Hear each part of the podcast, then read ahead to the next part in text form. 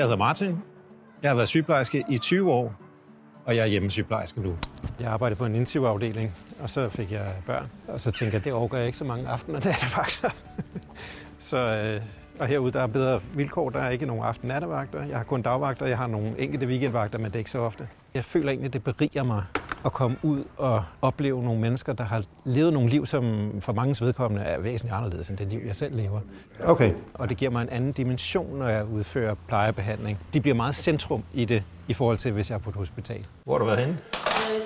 Der er mange ting, jeg godt kan lide ved arbejde som hjemmesygeplejerske. Det her med at få fundet alle de her ting, lege detektiv ude hos patienten og finde ud af, hvad er det egentlig, der er galt? Hvad er problemet i grunden her? Hun spiser ikke og drikker ikke, eller hvad? Når jeg står her nu i en akut situation, så er det mig, der skal træffe beslutningen. Dog har jeg jo masser af samarbejdspartnere, og så mødes jeg både hver morgen og hver eftermiddag med mine kollegaer. Om sommeren er det dejligt at være hjemmesygeplejerske.